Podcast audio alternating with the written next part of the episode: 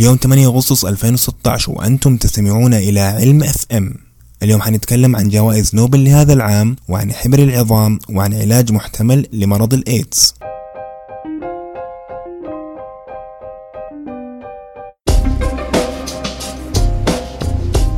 السلام عليكم. هذا بودكاست علم FM أنا رامي طيب ومعايا ساري صبان في الحلقة رقم 23 اليوم 8 أكتوبر 2016 واليوم برضو الأدوار تغيرت. ساري في الاستوديو وأنا برا الاستوديو في الرياض.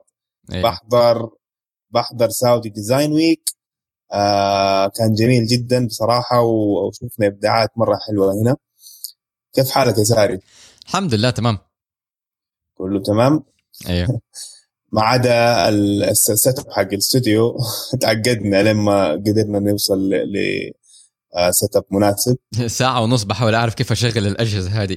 عادة انت انت اللي دائما بتشغلها. معلش معلش سامحني. آه بس إن شاء الله تكون تعلمت واستفدت شيء. إن شاء الله يعني على الأقل المره الجايه لو تحطينا في هذا الموقف نوعا ما حعرف أشغلها مرة ثانية. مزبوط مزبوط. الأسبوع هذا كان يعني مشوق وممتع جدا بالنسبة للناس المهتمين في العلم. آه، جائزة نوبل أعلنت في ثلاثة مجالات. ثلاثة مجالات علمية ومجال سياسي. مزبوط مزبوط أنا كان ما قصدي على السياسة سيبك من السياسة. آه، أعلن عن الفيزياء والكيمياء والطب أو علم الوظائف. مزبوط أيوه طيب أدينا أدينا التفاصيل. أنا شفت الأخبار وقلت يا عمي خلي ساري يشرح لي ما ما في أروح أنا أفهم إيش المواضيع هذه.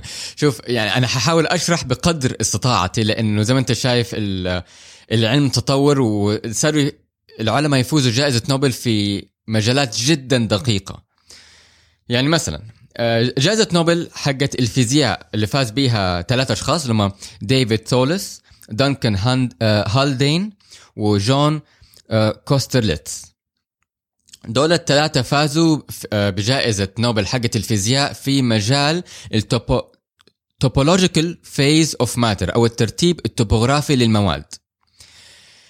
إيش هذا معناته؟ الحقيقة أنا حاولت أقرأ وأفهمه بس الموضوع مرة صعب. اللي قدرت أفهم فيه إنه هذا هذا المجال متعلق ب آه، ترتيب الأجسام أو المواد لما تكون في درجة حرارة صفر. معظم الرياضيات وطبعا فيزياء طبعا صفر الكلفن قصدك. أيوه أيوه أنا قصدي درجة حرارة صفر كلفن مو صفر آه، مئوي. أيوه. وهو طبعا ال ال ال المجال هذا فيزياء ورياضيات وأنا ماني كويس مرة في الفيزياء. فحاولت أفهم فيه وأقرأ فيه لكن الشيء اللي قدرت أطلع به هو إنه هذا المجال غالبا حيستخدم في صناعة الحاسوب الكمي أو يساعد في صناعة الحاسوب الكمي.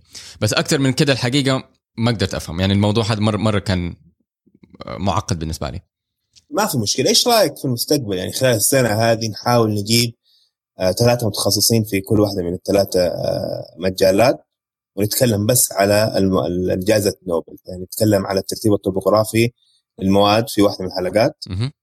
ونجيب يعني ضيف يكون فاهم ويشرح لنا يبسط لنا الأمور.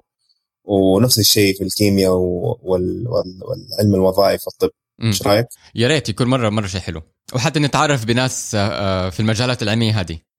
مزبوط طيب خلينا نكمل. يصير الكيمياء آه اللي فاز فيها جون بيير سوفاج وفريجر ستودرت وبن فرينجا. مزبوط أيوه. وفازوا في والمجال اللي فازوا فيه كان molecular machines أو supramolecular chemistry أو بالعربي الكيمياء آه، آه، كيمياء الجزيئات الضخمة.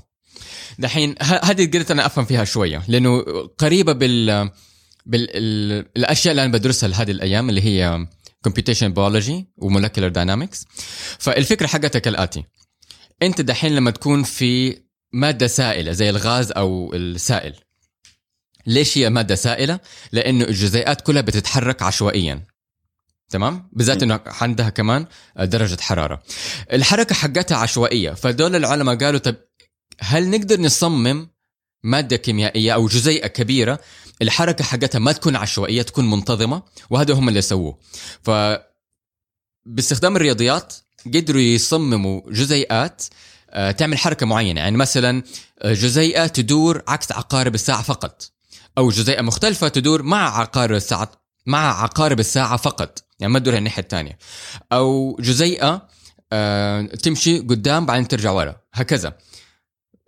فكأنها محركات لكن على النطاق الجزيئي. فحاليا معظم الناس بيقولوا طب كيف هذا ممكن يفيد أو يفيدنا حاليا في التقنية حقتنا أو يفيدنا البشرية حاليا الحلو في الموضوع إنه العلم حقهم أو المجال حقهم من جد ما هو متقدم ما. يمكن ما نلاقي له فائده دحين لكن غالبا في المستقبل لما لما باقي التقنية تتطور وتوصل للمجال حقهم وقتها ممكن نقدر نستخدمه فكانوا بيشبههم بالرايت براذرز اللي هم أول ناس يطيروا بالطيارة اللي هم في البداية عملوا الطيارة وبعدين الناس قالوا طب حنستفيد منها. إيش؟ كانوا هم سابقين آه، باقي الناس. وبعدين العلم والتقنية تطورت وبدأوا يشوفوا استخدامات للطيارات. حلو حلو. مزبوط طيب. وبالنسبة للطب آه، أو علم الوظائف فاز الياباني آه، يوشينوري أوشومي أوسومي. في أوسومي أوسومي مظبوط. آه، في في سبب بحثه أو اكتشافه للالتهام الذاتي. أيوه الأوتوفيجي. فالأوتوفيجي هذا شيء مرة مهم إحنا عندنا في جسمنا لأنه هي إعادة تدوير كل الخلايا الميتة. فلو إحنا دحين جسمنا في له خلايا بتنمو وفي خلايا بتموت. فإيش يحصل لو مثلا الخلايا اللي بتموت تجمعت ما صرفناها؟ حنجمع كأنه كأنه كنا حنجمع زبالة جوا جسمنا. فالأوتوفاجي هي الباث واي أو الطرق اللي كيف الجسم بيحلل هذه الجزيئات أو هذه الخلايا ويعاد تدويرها. يا إنه يمسك الجزيئات المفيدة ويحطها في خلايا أو يكون منها خلايا جديدة أو الجزيئات المضرة بيفرزها برا الجسم. وعندنا المستمعة سارة دكور بتسأل على الموضوع ده. آه بتقول آه هل يساعد اكتشاف أوسومي العلماء في القضاء على أخطر الأمراض؟ مزبوط أيوه. آه واحدة منها هي السرطان. السرطان الأوتوفيجي ما بتقدر تسيطر على السرطان. يعني إحنا إحنا عادة الإنسان الطبيعي ما هو خالي من السرطان. بيكون عنده خلايا سرطانية لكن الجسم عارف إنها خلايا سرطانية فيموتها. زي الجهاز المناعي مثلا. تمام؟ فيموتها ويستخدم الجزيئات هذه ويرجع يكون منها خلايا صحية. المرض السرطان لما بينتشر في الجسم حق الإنسان بيكون إنه هو تخطى هذه المرحلة من ال من ال من ال protection فاهم علي؟ فإذا إحنا قدرنا نفهم كيف ممكن نتحكم في ال autophagy ممكن نستخدمها لعلاج السرطان. إنه نرجع نوجه الجهاز المناعي مرة أخرى إنه آه هذا اللي أنت فاتك إنه هو سرطان لسه سرطان. فروح موته. هذه واحدة طريقة. ثاني طريقة هو الباركنسون. ال Parkinson disease أصلا ناتج عن ال autophagy حقت ال neurons في المخ. فالإنسان لما يبدأ يكبر ويبدأ يعدي بالشيخوخه مو مو دائما لأنه باركنسون ممكن حتى يجي للناس اللي هم صغار في السن. لكن الفكرة الأساسية إنه هي الخلايا العصبية لما تبدأ تموت بتموت بطريقة ما هي صحية فبالتالي بتك... بتطلع سموم وبالتالي تكون آه، مرض الباركنسونز فإذا إحنا برضو قدرنا نفهم ال autophagy نفهم كيف ممكن نعالج هذه الأمراض. حلو حلو. طيب ونظل مع الأمراض المستعصية؟ آه في علاج جديد الاكزيما الحادة يدخل المرحلة الثانية ولا مرحلة التجارب الثانية في أمريكا اي مرحلة التجارب الثانية الإكلينيكية آه، آه، أول إيش هي الإكزيما؟ إيش هي الإكزيما؟ الإكزيما هي حساسية الجلد أو آه، التهاب الجلد التآتبي أو ال atopic dermatitis. ف العلاج مرة حلو طلعوا دواء شركة Regeneron Pharmaceuticals طلعت دواء اسمه Dupilumab. Dupilumab من الاسم تقدر تعرفوا إنه هو مضاد جسدي. فعادة إحنا متعارف عندنا في في الأحياء وفي الطب انه لما لما تستخدم mab في الكلمة آه، يدل إنه الدواء عبارة عن مونوكلونال انتي بوديز ام اي بي مونوكلونال انتي بوديز فجربوا الدواء على على ناس واكتشفوا إنه 40% نسبة النجاح. ف40% من الناس اللي أخذوا الدواء هذا راحت منهم الأكزيما. الأكزيما المشكلة حقتها إنه زي معظم أنواع الأمراض الحساسية ما لها علاج. ما لها علاج دائم. عندها بعض العلاجات اللي هي مؤقتة زي مثلا انت هيستميز واشياء زي كده لكن الأعراض حقتها صعبة شوية وما بتعالج المرض. يعني الإنسان يفضل باقي حياته دائما ياخذ في الأدوية هذه. فالعلاج هذا آه، آه، المعتقد فيه إنه يكون مرة كويس. الطريقة اللي بيشتغل فيها إنه هذا ال monoclonal anti أو المضاد الجسدي بيرتبط بال المستقبل حق interleukin 4 interleukin 4 أو IL 4 هو مادة بيفرزها الجهاز المناعي عشان يكون المضاد الجسدي اي جي اي اللي هو متعلق في الحساسية. فبالتالي إذا أنت وقفت أو منعت المستقبل هذا يوقف إنتاج الاي جي اي فبالتالي توقف الحساسية عندك. المهم ف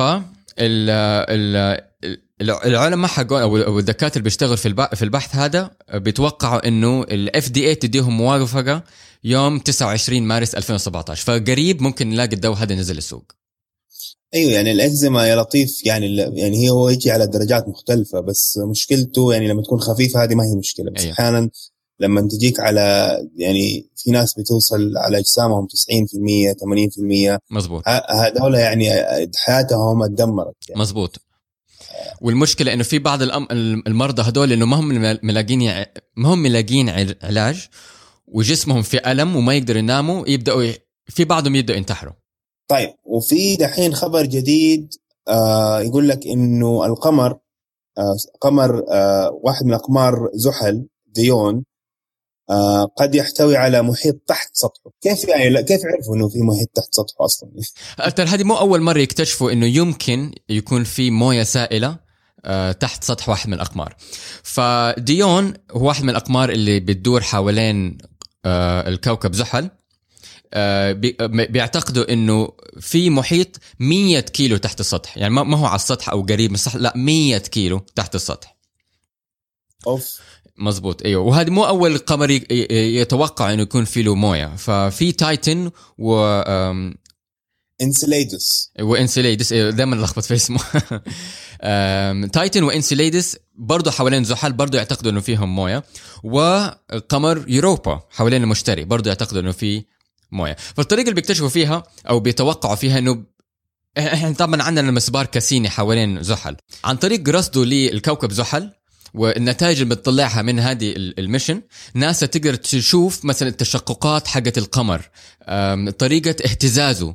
فبالتالي ممكن عن طريق الحسابات يعرفوا أو يتوقعوا إذا في موية جوا السطح حقه وكميتها. يعني مو مويه ممكن طب ليش مويه؟ ليش مش أي سائل ثاني؟ يعني إيش معنى مويه؟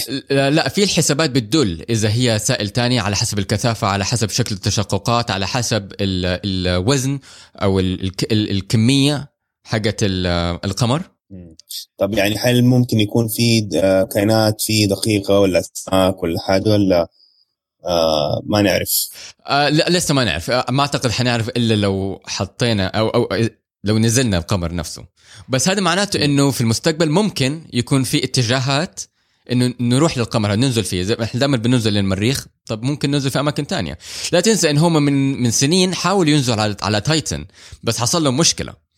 لما حاولوا ينزلوا على Titan كان في مشكلة في الموجات آه، بين Cassini وال lander.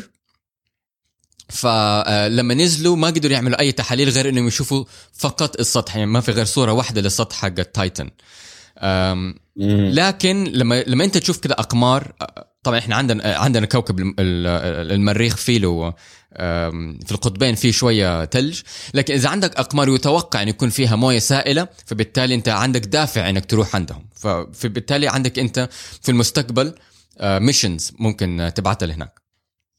بس الجو حقه ما ما أتوقع حيكون مناسب يعني بعيد شوية. هو غير إنه بعيد وضوء الشمس ما بيوصل له بكمية ضوء الشمس بيوصل هنا الكرة الأرضية لكن يمكن تكون الموية سائلة أو إذا في موية ممكن تكون زي ما أنت قلت ممكن يكون ليكويد تاني بس على حسب التوقعات حقتهم هي موية.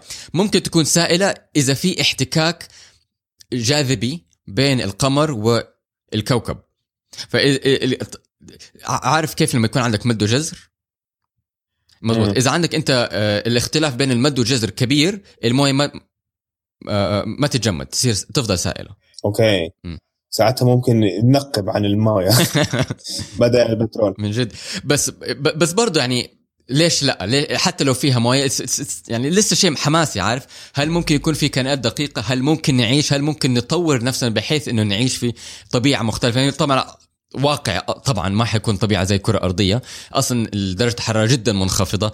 ضوء الشمس جدا جدا خفيف. لكن إذا في موية هل ممكن نطور التقنية بحيث إنه نعيش في طبيعة غريبة ومختلفة وصعبة زي كده؟ أنا أعتقد ممكن. طيب وهل ممكن نطور التقنية بحيث إنه نقدر نطبع عظام؟ أيوه هو هذا ما هو أول مرة نطبع إحنا فيها جزء من العضو في جسمنا؟ إحنا طبعنا قبل كده كلية وكبد. لكن المرة دي في طلع بحث إنه طبعوا عظام. آه، زراعة العظام ما هي ما هي عملية سهلة. ففي بعض الناس اللي بيحتاجوا عظام آه، يزرعوا عظام لأسباب مختلفة. زي مثلا الطفل يكون طلع بعظام مشوهة أو في عنده إعاقة يحتاج زراعة عظام. عادة بيزرعوا عظام من جسم من من منطقة ثانية من الجسم. لكن لي لها أعراض؟ أول شيء إنه جراحة العظام مرة صعبة والتلوث إذا حصل فيها تلوث صعب العلاج منه. أنا أتذكر أنا مرة حضرت عملية عظام. و بتكون فيها ألم كثير يعني واحدة من الأعراض حقتها إنه الإنسان ممكن بعد بعد العملية يفضل بألم مزمن. من ناحية تانية بالنسبة للناس الكبار ممكن بدل ما يزرعوا لهم عظام ممكن يركبوا لهم معدن. عادة بيكون تيتانيوم. بس المشكلة هذه إنها ممكن تطبق للكبار لكن لا تطبق للصغار لأن لا تنسى الصغار بيكبروا. فإذا زرعوا معدن بعد كم سنة حيكبروا العظام حقهم وجسمه حيتغير فيضطروا يعملوا عملية تانية يغيروا المعدن هذا. فالاكتشاف الكبير اللي حصل إنه هم عملوا آه، مادة مكونة من مادتين. ال hydroxyapatite اللي هي نفس الأملاح الموجودة أو نفس أملاح الكالسيوم المكونة منها عظامنا و polymer biodegradable ويعني إنه قابل للتحليل وينسجم مع الأنسجة حقتنا. هذا هذا البوليمر عادة بيستخدم كثير في الجراحات فما هو شيء غريب. بس الفكرة حقتهم ان هم دمجوها بنسبة مختلفة. فعادة لما بيستخدموا ال hydroxyapatite لوحده ال hydroxyapatite قوي لكن brittle قابل للانكسار. فهذا ما هو محفز كثير يستخدموه في آه، جراحات العظام. في نفس الوقت إذا أنت استخدمت فقط ال polymer ال polymer ما هو ما بيحفز الخل... لوحده ما بيحفز الخلايا إنها تكبر. فبالتالي هم الاكتشاف حقهم إنه آه، آه، استخدموا 90% هيبوكس hydroxyapatite و10% بوليمر. ثاني شيء البوليمر الحلو فيه إنه فيه له مسامات. المسامات هذه مفيدة لانها بتسمح للخلايا إنها تغزو هذا المادة وبالتالي تكبر من جوا و آه، آه، تسمح للأوعية الدمويه إنها تدخل جوا. مو بس كده المادة هذه ممكن يطبعوها بثلاثيه الأبعاد فإذا كان 3D printed فبالتالي انها ممكن تكون customizable على حسب الشخص. wow wow. يعني عملوا منها حبر بالضبط إيوه حبر عظام. حبر عظام. هذا المفروض يكون اسم الحلقة. طيب آه بنضل في الطب وهذا يمكن يعني أكبر خبر آه وكثير من المستمعين آه بعثوا لنا آه عليه اللي هو موضوع الايدز اللي في بريطانيا. مزبوط أيوه. ف فال HIV إحنا عارفين إن ال HIV بدأ يطلع هو بدأ ينتشر حوالين العالم في الثمانينات. هو هو يتوقع انهم ال HIV موجود في يعني موجود في البشر من 1900 وفي العشرينات كده أعتقد في العشرينات أو في 1909 و10 يعني هو موجود في في البشر من زمان لكن بدأ ينتشر في في الثمانينات. هم أعتقد حتى أول مرة أول مرة شخصوه أو اكتشفوه كان في الخمسينات أو شيء زي كده. ماني ماني فاكر التاريخ بتفصيل بس بدأ ينتشر بكثرة حوالين العالم كله في في الثمانينات. والمشكلة الكبيرة حقت ال HIV المخالفة لفيروسات تانية إنه يتطور بسرعة. فال HIV مكون من RNA وعنده DNA polymerase ال DNA polymerase بيحول ال RNA إلى DNA عشان يبدأ يتكاثر جوا الخلية. لكن المشكلة في ال DNA polymerase حق ال HIV إنه لما ينسخ أو لما لما يحول ال RNA إلى DNA بيعمل أغلاط. تمام؟ ف لما يعمل الأغلاط هذه 99% من الفيروس يموت. يعني ما يقدر يتكاثر بعد كده. لكن 1% يتطور. بيكون عنده طفرة إيجابية. مهما أنت حاولت تعالج ال HIV هذه الطفرة تطلع و تخليه مقاوم لأي علاج أنت تدي له هو. يا إنه لقاح يا إنه أدوية يا إنه أي نوع من العلاج. فهذه هي المشكلة. لو لاحظت حتى الناس اللي بيكون عندهم اتش اي في يبدأ الاتش اي في يعلى يعلى يعلى. بعدين يدوا لهم مثلا antiretroviral drug أو اللي هو دواء مضاد للفيروسات تلاقي الفيروس نزل مرة كثير بعدين بس طبعا ما مات ما 100% اتعاف ما راح من الجسم 100% فتلاقي الواحد في المية ولا النص في المية هدول بدأوا يرجعوا تاني. دول كلهم يصير مقاومين للدواء اللي انت اديته هو. تروح تديله مثلا دواء تاني يروح ينزله بس يروح يرجع تاني. وهذه هي المشكلة. إنه يتطور مرة بسرعة. طبعا غير كذا بسبب التطور السريع آه، إحنا إحنا جسمنا نفسه كمان لما نيجي نكون مضادات جسدية آه، مناعية ضده كل ما إحنا نكون مضاد جسدي ضده هو يتطور بشكل آخر. فنضطر نعمل واحد جديد ولما نعمل واحد جديد هو يتطور لطريق لشكل مختلف. فهذه هي المشكلة الأساسية حقت الاتش اي في والسبب إنه لحد اليوم أو أو لحد من كم يوم ما قدرنا نعالجه أو العلاج حقه جدا صعب. هل عالجناه؟ لا لا إحنا ما عالجناه إحنا نتوقع حاليا إنه بدأنا أو ممكن بدأنا نمسك الخط إلى الاتجاه حقه. بنتوجه نحو العلاج الصحيح. فالفكرة البح المجموعه البحثية هذه سوتها إنه بيدوا دوايين أول واحد مكون من لقاح ضد الاتش اي في تمام؟ فأنت تدي اللقاح هذا ما حيسوي شيء في البني آدم بس حينشط الجهاز المناعي. بعد كده تروح تدي دواء تاني. الدواء التاني اسمه Vorinostat. Vorinostat هذا اللي بيسويه إنه بيطلع كل ال HIV المستخبي من الجهاز المناعي جوا الخلايا. فلما ال HIV يطلع يلاقي إيش؟ الجهاز المناعي مستعد ومستني. فهمت الاستراتيجية كيف؟ مرة ذكية. أيوه أيوه. فحاليا أجروه على عدة أشخاص. أعتقد كانوا خمسين شخص. واحد منهم يعتقد إنه اتعافى من الاتش اي في ما هم يعني حتى يعني بعد ده كله برضه نسبة النجاح 2% لسه ما يعني لسه ما تقدر تقول 2% لسه ما تقدر تقول نسبة النجاح لأنه أجروه على عدد أشخاص مرة صغير ولسه هم بيحاولوا يكتشفوا أو يحاولوا يثبتوا هل الشخص هذا من جد راح منه ال HIV ولا لسه موجود فيه. يعني آه الشخص هذا ممكن انت تمسك الدم حقه وما تشوف أي HIV لكن يمكن ال HIV يكون مستخبي في مكان ثاني في جسمه. يمكن نسبته مرة قليلة ما انت قادر آه، تكتشفها. فلسه هو تحت تحت الأنظار ولسه بيحاولوا آه، يحللوا النتائج حقتهم عشان يثبتوا هل من جد العلاج هذا آه، كويس ناجح ونسبة النجاح حقته. بس بغض النظر يعني حتى لو إنه ما هو ما إحنا متأكدين يعني هذا يعتبر إنجاز عظيم بحد ذاته عشان في الثمانينات والتسعينات ما حد كان عمره يتخيل إنه نوصل لعلاج لل HIV مضبوط صح كلامك أيوه. وحاليا حاليا دحين الناس اللي عندهم HIV وعندهم فلوس كتير ممكن ما يموتوا من ال HIV. يفضل يفضل طول حياتهم بياخذوا أدوية آه، دواء معين آه، ما يخل نوعا ما يسيطر على الإتش آي في.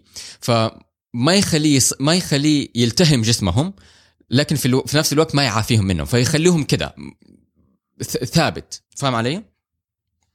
أيوه. أيوه. معلقينه برضه بس يعرض الناس اللي حوالينهم الخطر مزبوط أيوه. بس والمشكلة طبعا إنه بيكلف مرة فلوس كتير فمو كل الناس بيقدروا آه، ياخذوا العلاج هذا. فعشان كده تلاقي مثلا إنه العلاج هذا متوفر في الدول الغنية لكن ما هو متوفر أو مرة نادر في الدول الفقيرة.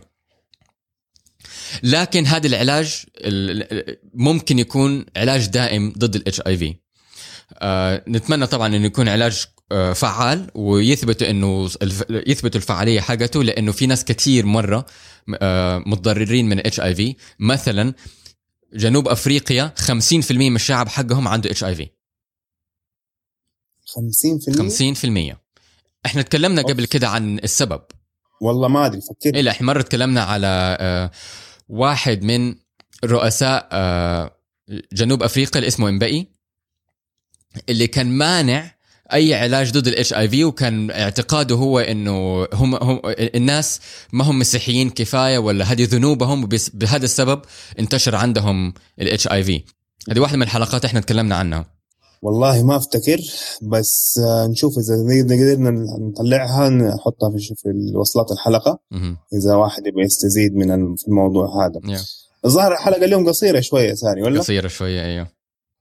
طيب تابعونا حتى تسمعونا كل أسبوع على iTunes أو SoundCloud ابحثوا بالعربي على علم FM بدون همزة أو مستغفر ام اس تي دي اف ار واذا عندكم أي تعليقات أو اقتراحات تواصلوا معنا على تويتر at ilm underscore fm. واتركوا لنا تعليقات على iTunes حتى نطور نفسنا. أنا رامي طيب. أنا ساري صبان. والسلام عليكم.